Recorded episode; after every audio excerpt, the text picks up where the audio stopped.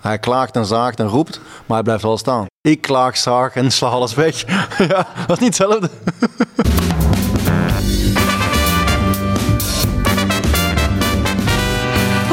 welkom bij de NL Tennis Podcast. Mijn naam is Marcella Mesker en naast mij zit, staat en werkt zoals gebruikelijk Jan-Willem de Lange. We zijn alweer ruim drie jaar bezig met onze podcast en we proberen steeds weer nieuwe achtergrondverhalen en ook de menselijke kant van de proftennissers te vinden. In deze aflevering is dat denk ik wel goed gelukt. Met op dit moment zeker een hele speciale en vooral actuele gast en zijn coach. Tellen Griekspoor en de Belg Christophe Vliegen.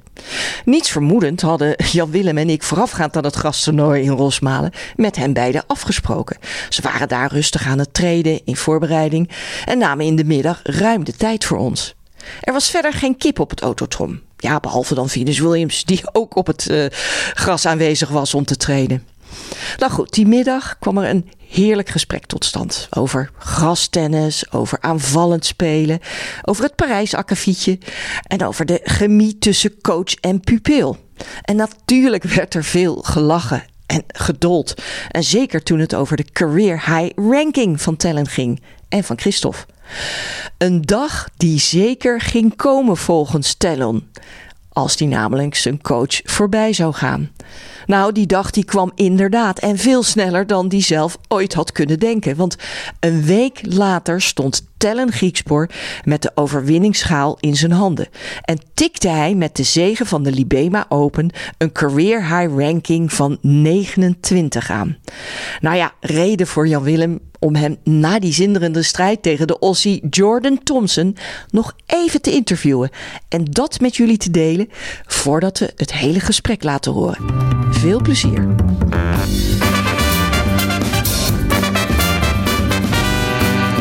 Het is ongeveer een uur nu dat je, dat je twee titels op zak hebt. Kun je het afgelopen uur even beschrijven? Um, ja, eigenlijk chaos. Je wint die wedstrijd, uh, je valt op het gras. Uh, het besef komt dan eigenlijk pas wat je gedaan hebt. Dat komt misschien eigenlijk nu pas echt als je erover praat in de media, met de media. Uh, ja, uh, ik moet zeggen, een ongelooflijk lekker uurtje. Uh, zo heb je ze graag. en ja, het besef begint nu wel te komen. Ja. Wat is het eerste beeld dat je van deze overwinning hebt? nou ja, dat je op het gras valt, uh, gaat er natuurlijk genoeg door je heen. Uh, ongelooflijk blij en trots op mezelf hoe ik het vandaag gedaan heb. Het was absoluut geen makkelijke wedstrijd. Uh, en ja, ik denk dat ik, dat ik er niet meer onderuit kan. Dat ik naar voren moet spelen, dat ik agressief moet spelen, met lef moet spelen. En dat ik ook op gras heel goed kan spelen. Half jaar geleden lagen de kaarten er iets anders voor. Ranking maakte een beetje een uitgeleier, lastige nederlagen. En nu gewoon top 30 in. Waar heb je die turbo-knop gevonden? Ja, het leven lach je dan opeens toe. Uh, ja, je wint eerste week van het jaar echt uit het niets eigenlijk in India. Uh, het zit daar een beetje mee. Je wint hem daar. Je speelt derde ronde Melbourne en je speelt halve finale Rotterdam eroverheen. En uh, wat je zegt, het leven lach je opeens toe.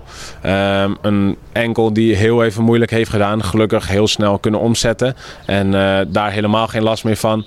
en ja, om dan eigenlijk het tweede deel van het seizoen zo te beginnen met een titel hier in Rosmalen op gras. ja, dat is ongelooflijk mooi. En wat je zegt, dan sta je opeens uh, top 30 van de wereld. Terwijl je Melbourne uh, randje randje in zat. Uh, dus ja, dat zijn hele mooie stappen en hele mooie sprongen die ik gemaakt heb. Tot slot, wat bewijst dat over het dunne lijntje waar jullie als tennisprofs overheen lopen? Ja, dat is eigenlijk iets wat ik altijd eh, zeg. En ook waar ik gewoon heel erg in geloof is hard werken loont uiteindelijk.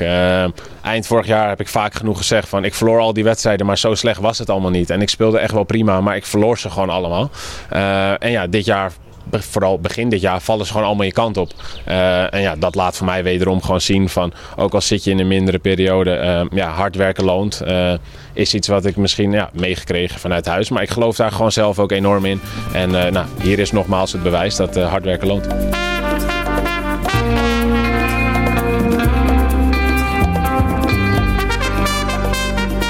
Talon Griekspoor was dat natuurlijk, tennisman van het moment, of beter gezegd van de eerste helft van 2023.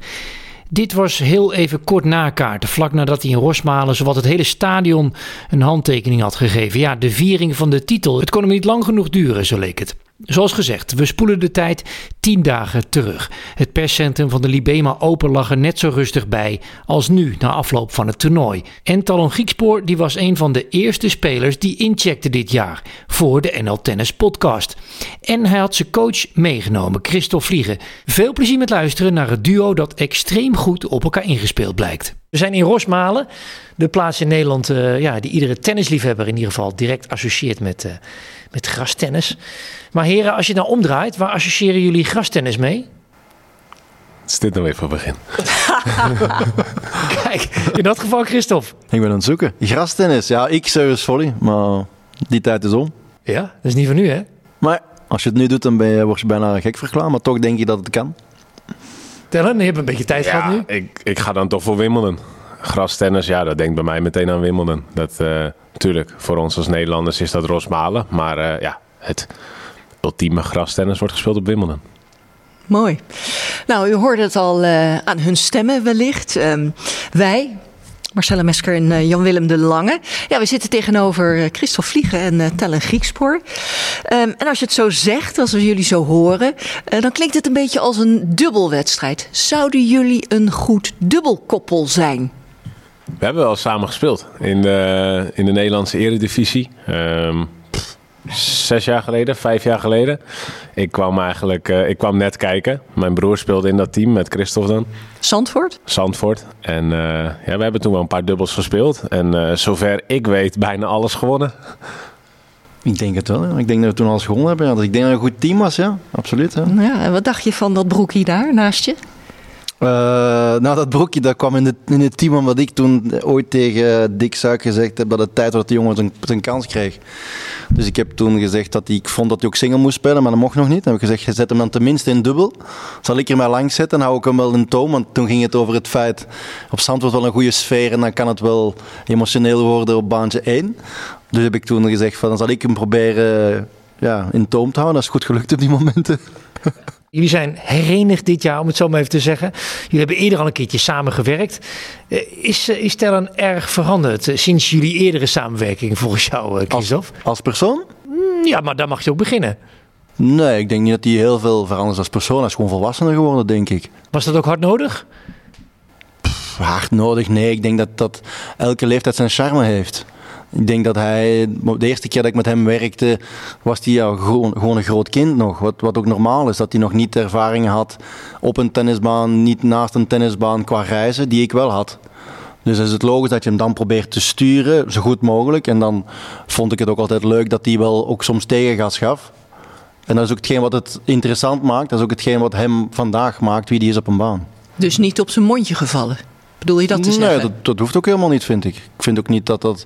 Ik vind ook als je op een baan staat of met de carrière die hij aan het uitbouwen is. Van, ik denk iedereen heeft zijn karakter op, op een bepaalde manier. En het is wel makkelijker voor mij, denk ik, om hem te begrijpen op momenten, omdat ik mezelf ook wel kan zien soms in hem. Dat had ik al vanaf het eerste moment. Dus ik weet wel, hij moet niet heel vaak heel veel dingen zeggen voordat ik weet wat hij, wat hij denkt. Dus dat helpt natuurlijk wel. Jij was ook een qua jongen. Maak een joker inzetten of werkt het ook met jokers of niet? Pak hem er gewoon bij, zou ik zeggen. Uh, ja, ik heb ook wel wat dingen gedaan op een baan dat uh, niet echt thuis hoorden erop. Of ik heb ook wel ja, de emoties de vrije loop laten gaan. Of ja, die dingen, ja, zo had ik ook in elkaar, ja. Is, is dat ook waarom jullie weer samen wilden werken? Waarom jij ook dit wilde uh, tellen? Um, nou, zeker. Um, de tijd dat we toen uh, stopten, dat was. Uh, nou, we hebben toen vijf jaar samengewerkt. Um, ik denk dat het toen voor mij tijd was voor iets nieuws. Uh, maar ik heb toen eigenlijk altijd wel in mijn hoofd gehouden en ook gezegd van ja, ik hoop op een punt als ik verder in mijn carrière ben en een mooie ranking heb, um, ja, dat we dan nog samen kunnen werken en uh, ja, iets kunnen afmaken wat we toen zijn begonnen. Um, ja, en zo voelt het vooral voor mij. Um, nou ja, velen weten dat ik maar, ja, ik had maar één keus als nieuwe trainer, wie ik wilde. En ja, die ben ik gaan halen. En, uh, dus nee, voor mij, uh, ik ben heel blij dat wij weer ja, samen kunnen en mogen werken. En, en, iets concreter, wat moet er afgemaakt worden? Nou, ik, we zijn op mijn zeventiende begonnen. wat Christophe net zegt, ik was nog een, ik was nog een kind. Ik wist nog niet heel veel van tennis. ik speelde ook niet heel geweldig destijds. Uh, moest gewoon nog heel veel leren. Dus ja, we zijn een soort van echt op, op nul begonnen. Ik had nog geen, geen ranking toen. Ik speelde nog jeugdtoernooi. Ik was net klaar met jeugdtoernooi, denk ik. Ehm, dus ja, je, je begint vanaf nul. En dan, ja, wat moet er afgemaakt worden? Je hebt uiteindelijk een een einddoel, een droom. Uh, en ja, daar hoop je zo dichtbij mogelijk te komen. En uh, ja, hopelijk dat dat uh, gaat lukken. Ik weet ook de periode dat wij gestopt zijn. Eén, het was tijd voor hem om met iemand anders te gaan werken. En twee, werd het bij mij privé ook heel moeilijk. Dus dat waren ook twee dingen die samen gingen. Dus dat was het, het, het, het moment dat we toen gestopt zijn samen, is eigenlijk wel best moeilijk geweest. Of best emotioneel geweest. Ook voor mij toen. Omdat ik ook vond van ja, fuck. Ja, sorry dat ik het woord gebruik. Maar, maar ja, het was, het was nog niet af. Snap je? En, en dat is ook de reden toen wij uit elkaar gingen en dat hij met andere mensen ging werken. Met Dennis en met Ray. Dus ik ben altijd wel dichtbij geweest, ook al was ik op heel ver afstand. Ik heb altijd wel alles gevolgd. Ik heb altijd wel geweten wat er speelde. Ik heb genoeg apps gekregen van Dennis of van Raymond de voorbije jaren. Van hoe dat het ging. Of ik, ik ging ook, gooide ook soms er ooit iets in. Ik heb hem ook een paar keer op scherp gezet. Vorig jaar omdat met beste ranking waren we bezig en die dingetjes. Ik heb hem ook die dingetjes gewoon. ik ook, ja, het is niet omdat je met iemand niet meer werkt dat, dat, dat je daar niet meer op naar gaat volgen. Ik vind het ook heel belangrijk dat na zijn carrière toe, dat hij op het einde van de rit met mij, als het volgende week is of het is binnen tien jaar, ja, dat hij gewoon het beste van zich, zichzelf gegeven heeft en het alles heeft proberen uit te halen wat erin zat. We zitten er al aardig in uh, zo. Uh, toch hebben we nog eventjes een paar uh, tussensprintje voor jullie. Om even jullie wat, nog wat beter te leren kennen. dus even wat snelle vragen. En jullie mogen het onderling gewoon een beetje gaan, gaan uitmaken. Wie, wie van jullie heeft de beste voorhand? Ik. Ben je het daarmee eens, uh, Tellen? Ah, die mag hij hebben.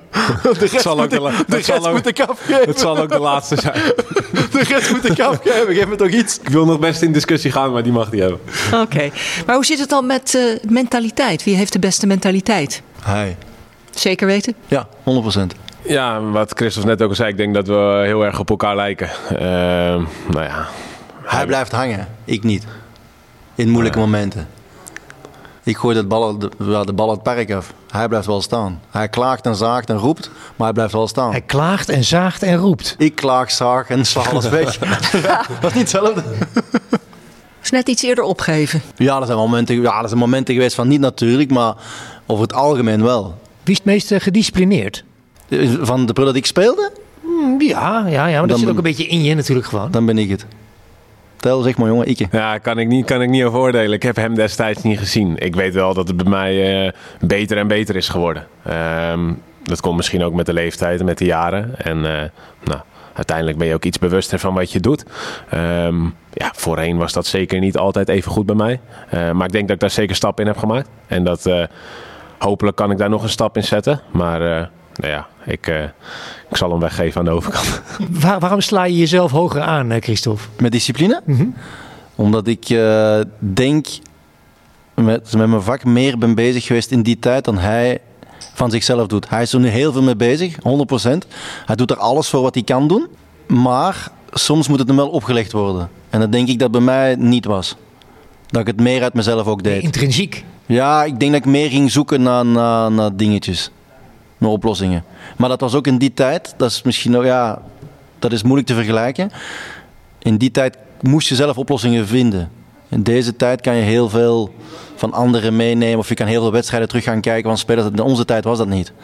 Ik vond ook bijvoorbeeld dat je, als je nu een wedstrijd speelt, je mag nu coachen. En in principe is dat heel goed, want het is de enige sport het niet mocht.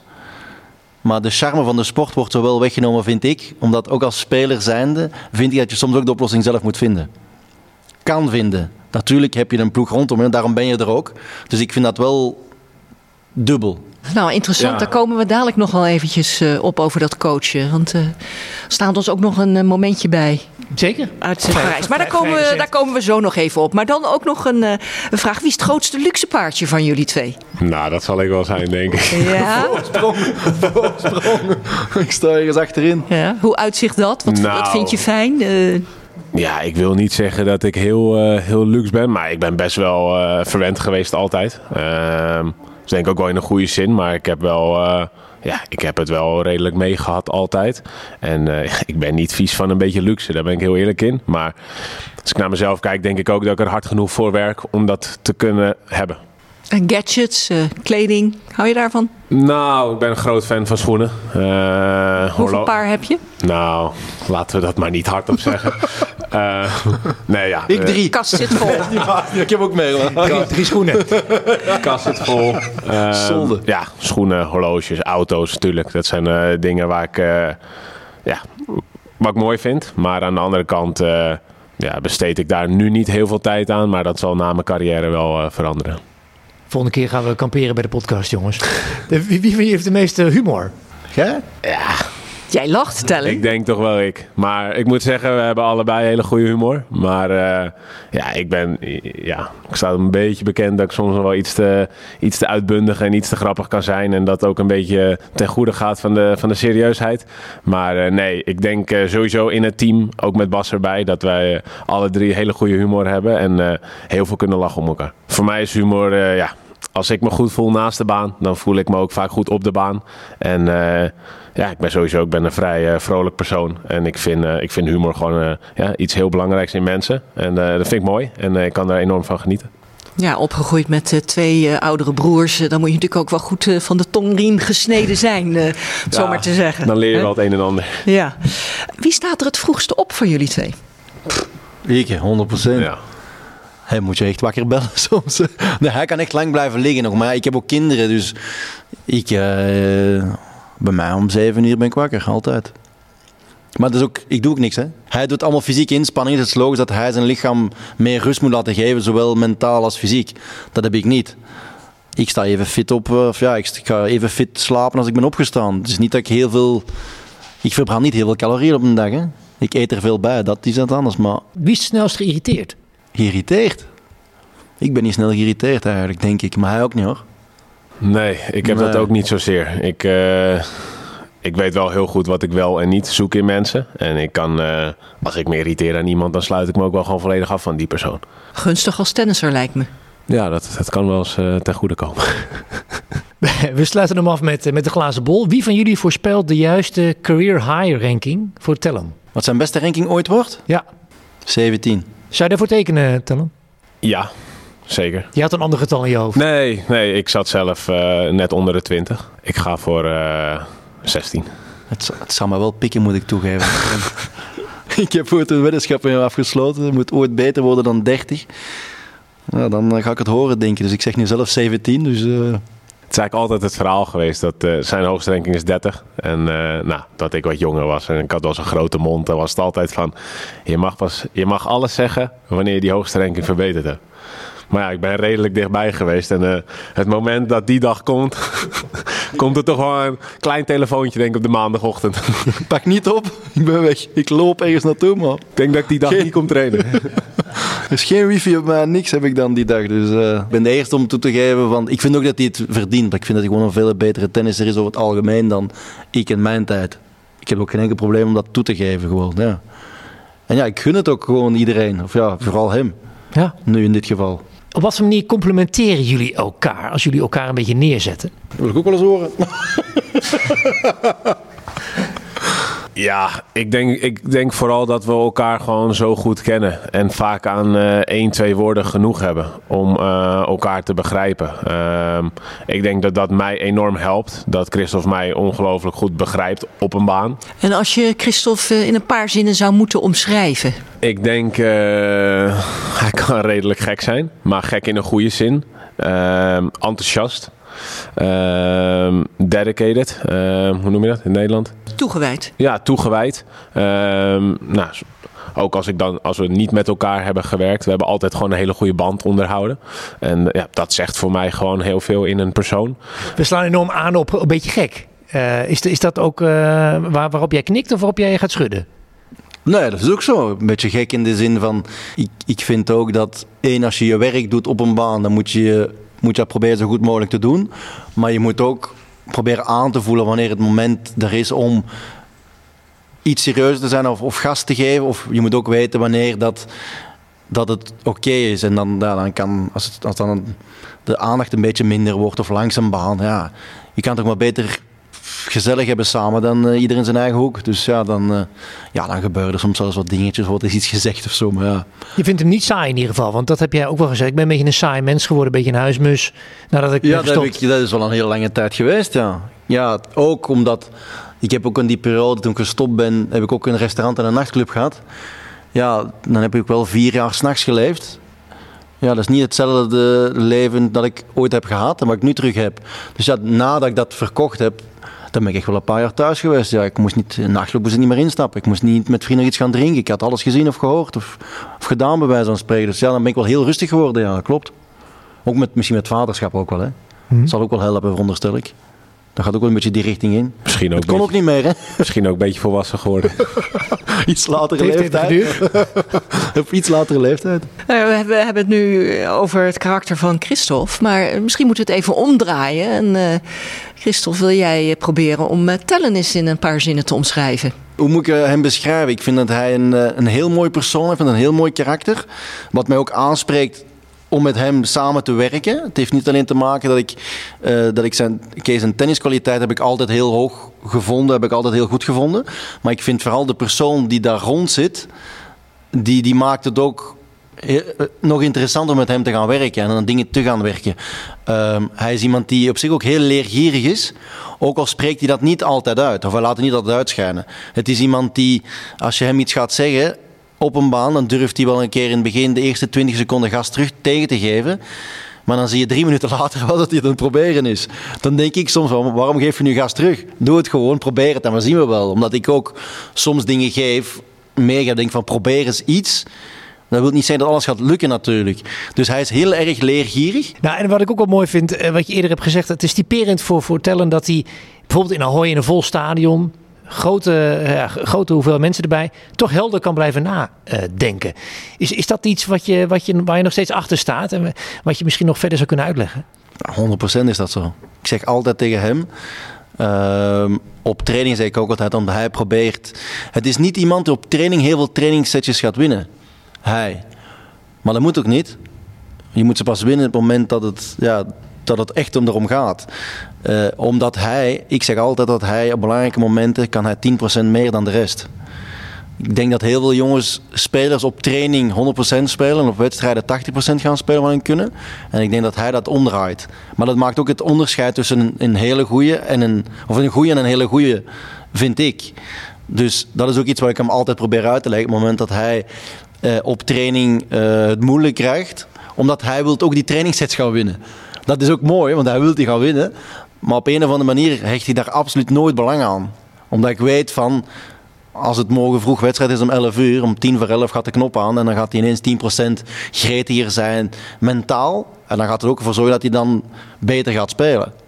Maar dat is een dunne lijn, hè? Ja, koning van de training is geen compliment, geloof ik, hè? Hoeft ook niet, hè? Nee, nee, daarom. Daar kopen we niks voor, hè? Toch? Nee. nee. Nou, ik ben het zeker niet. nee, het is zo, ja, maar het is ook niet heel. Ik vind het ook helemaal niet belangrijk. Ik vind als je gewoon dingen probeert op training en je weet.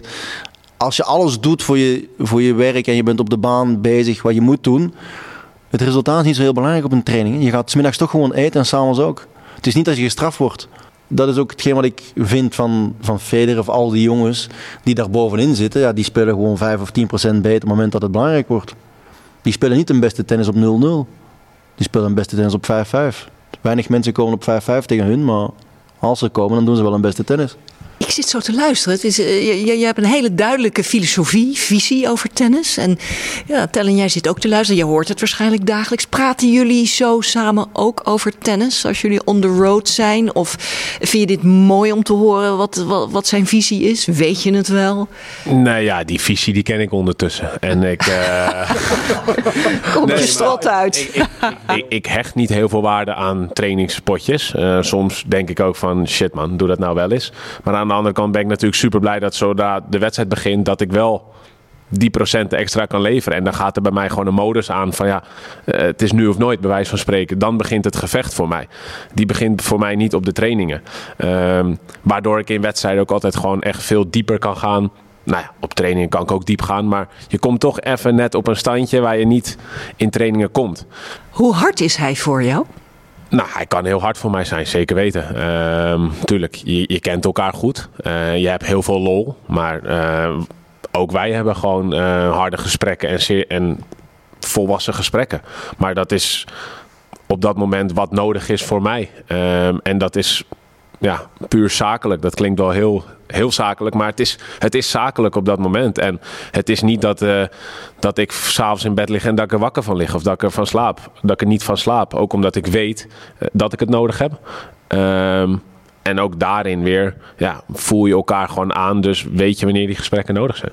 Kun je daar een voorbeeld van geven? Voor zo'n harde confrontatie zou ik maar zeggen. Wat voor, op wat voor momenten gebeurt er zoiets? Nou, er zijn genoeg wedstrijden geweest in het uh, verleden waar ik uh, niet deed wat ik moest doen of die ik onnodig verloor. En dan, uh, ja, dan wordt er na die wedstrijd wel stevig gesproken. Van luister, je doet ook jezelf tekort. Je, je werkt je helemaal tien keer in de ronde en je staat er eigenlijk half bij in wedstrijden. Wat ik destijds nog had. Um, nu is dat ook door de jaren heen ben ik daar gewoon zoveel beter in geworden. En echt gewoon een, ja, een echte wedstrijdspeler geworden. Maar dat was op mijn 17e, 18e zeker niet zo. Um, en toen vond ik het allemaal uh, heel erg moeilijk om, uh, om uit te voeren. In het begin kwam de vraag al even voorbij. In hoeverre is, is, is Tellen veranderd? Toen ging het even over als mens. Als tennisser, uh, wat is de grootste sprong die hij heeft gemaakt in jouw ogen, Christophe? Ik ben niet onder de indruk van iemand die 220 per uur kan serveren de hele tijd. Dat vind ik niet... Dat vind ik niet zo, want dan wil het zeggen dat je 2 meter en 10 bent. Dan heb je van natuur meegekregen, maar dan heb je niks om te doen, bij wijze van spreken. Ja, je moet hem opgooien en knallen, maar je bent niet met iets bezig dan. En dat vind ik dat hij heel erg in gegroeid is. Dat hij nu ook één van zichzelf het weet wat hij kan, wat hij niet kan. En wat hij moet gaan doen om een tegenstander in de positie te brengen. En dat is hetgeen wat ik hem wel met de paplepel heb ingegeven gedurende een paar jaar. En dat zie je nu ook, dat ik... Ik geef nog wel dingen mee, maar eigenlijk weet hij zelf al heel veel. Dus ik ben ook altijd heel gerust in het tactisch plannetje, omdat ik weet dat hij het zelf ook ziet. Wanneer is jullie samenwerking geslaagd eigenlijk, jongens? Is die 17 al? Nee. nee, die is geslaagd. Ik vind, uh, wanneer is dat geslaagd? Dat, daar, daar staat volgens mij niks op. Ik bijvoorbeeld, ik heb hem niet op dag 1, maar ik denk op dag 2 of op dag 3 gezegd: wel van, als jij niet ooit een 100 geraakt, dan heb je het heel slecht gedaan voor jezelf. Maar ja, op In de top 100 bedoel je? Ja, maar op wat heb ik mij gebaseerd toen? Op de jongen die daar stond, de slagen die hij had, maar geen idee hoe dat hij er zelf in zat. Ook niet weten dat hij carrière wou gaan maken, dat wist ik helemaal niet. Dus op dat gebied heeft hij volgens mij al, is hij al geslaagd. Maar ik denk dat hij geslaagd is het moment dat hij er alles heeft uitgehaald voor zichzelf. We hadden het in het begin eventjes over coaching op de baan, langs de kant. Dat um, mag tegenwoordig in zekere mate. Um, hoe is dat voor jou, Tellen? Vind je dat plezierig? Um, nou, ik sta, ik sta er eigenlijk ook heel dubbel in. Zeker. Op sommige momenten vind ik het fijn, absoluut. Uh, aan de ene kant denk ik ook van ja, als speler uh, geef je zoveel geld uit aan de mensen om je heen, aan trainers. Uh, dan mag je niet geholpen worden. is een beetje krom. Maar aan de andere kant, het één op één gevecht is natuurlijk als individuele sporter het mooiste wat er is. Um, dus ja, ik vind dat ook een beetje dubbel. Uh, maar ik vind wel dat er uh, gecoacht mag worden. Uh, en natuurlijk is dat ook per speler verschillend. Hoe fijn die dat vindt, hoeveel er gezegd wordt.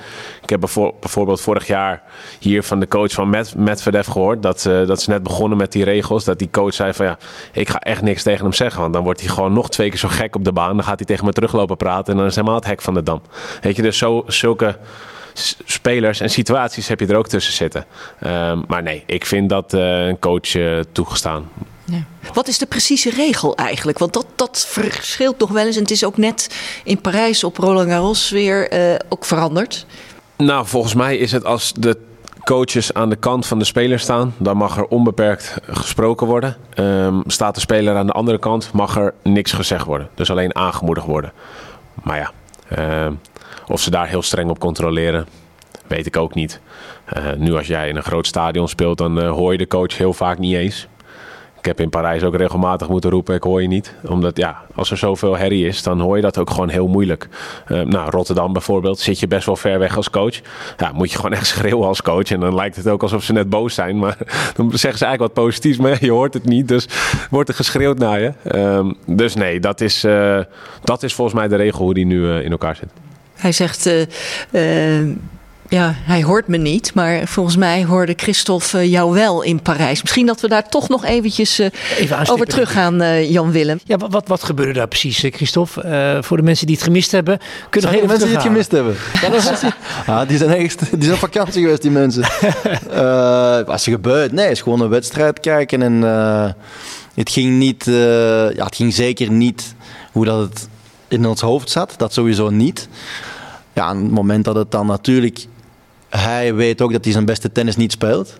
Maar dat kon ook niet. Dat, was ook niet gevraagd. Er was gewoon andere dingen waar het gevraagd. Dan werd het niet echt uitgevoerd. En toen werd het een beetje, ja, laten zeggen dat het in zijn hoofd even ja, een beetje, ja, ik kreeg kortsluiting. Ik kreeg een beetje kortsluiting, ja. En dan, dat kan ook gebeuren, hè. Is... Maar, wat bedoel je met kortsluiting? Tellen, misschien kun je het beter zelf vertellen. Gewoon wat onrustiger. Uh, niet helemaal, je wint een eerste set, maar je bent eigenlijk totaal niet uh, blij met hoe het gaat. En je voelt gewoon dat het, je voelt gewoon dat die wedstrijd uit je handen gaat glippen. Daar op dat moment, als je op die manier doorgaat. Uh, en ja, je wordt onrustiger. Je vindt dat je die eh, wedstrijd 9 van de 10 keer moet winnen tweede set voel je die wedstrijd uit je, uit je handen glippen. En uh, nou, ik loop daar omheen uh, te toeteren, te blaren. En uh, ik, ik roep op een gegeven moment van zeg iets of ga weg.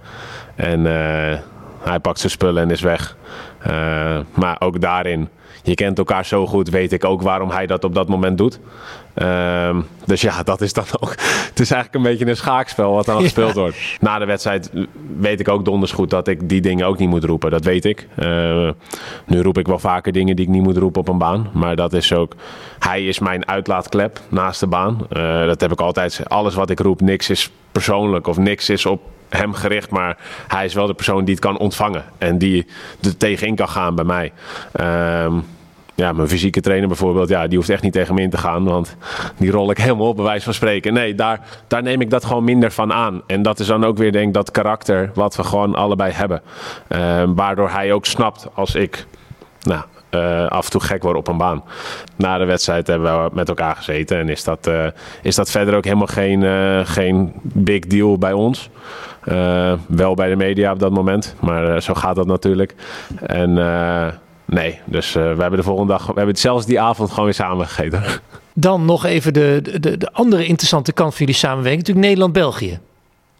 Ja. Uh, hoe kijk je überhaupt naar Nederlands tennis? Om te beginnen bij jou. Ja, ik vind wel dat er wat, wat jongens het goed doen, ja. Ik vind wel dat er nog marge ook zit bij sommige jongens die wel omhoog kunnen komen. Dat vind ik wel. Ik denk dat Nederland eigenlijk uh, op zich wel het, het, vrij goed doet, denk ik. Nu ja, jullie, het is niet dat er Krajicek, Elding Harris en uh, Siemering rondlopen. Ik denk dat het met name dat er gewoon een paar jaar echt niemand is geweest. Ja, op ja, Robin na. Precies. Die wint, uh, wat wint die twee ATP's. Uh, die heeft dat natuurlijk gewoon jarenlang in zijn eentje moeten dragen. Ik stond op een gegeven moment 220, 230 en ik was standaard nummer 2 van Nederland. Ik denk dat het ook te maken heeft met ja, de mensen die erop staan. En uh, als jij nou net een goed groepje van vier, vijf samen hebt, ja, dan is dat ideaal. Ik heb bijvoorbeeld, ja, als ik uh, met Botik, Tim, Gijs, als wij met z'n vieren trainen en de trainers zijn er maar is het ook top. Dus ik denk dat het ook een beetje te maken heeft met, met de omgeving en uh, ja, welke mensen zijn daarbij. Nee, en, en terug naar jullie zelf. Is er een speler op de Tour waar jullie een beetje aan spiegelen? Die dus wel wat hoger staat, maar waarvan je zegt, ja, dat is een inspirerend voorbeeld om naar te kijken. Zijn er spelers waarvan je zegt, goh ja, als die dat kan, kunnen wij dit ook wel bereiken? Ik vind het wel mooi om van verschillende gasten uh, bepaalde punten te zien. Uh, nou, ik had het dan altijd een Albert Ramos bijvoorbeeld. Als je zag hoe die met zijn sport bezig was. Uh, die man zat ochtends aan de, aan de broccoli elke ochtend. Ja, dat is dan ook wel een uitzonderlijk geval. Is misschien niet de beste tennisser. Maar ja, hij heeft 17 of 16 gestaan. Finale Monte Carlo gespeeld. Dus zie wat voor carrière die jongen heeft gemaakt met waarschijnlijk dat allemaal 100% in te vullen.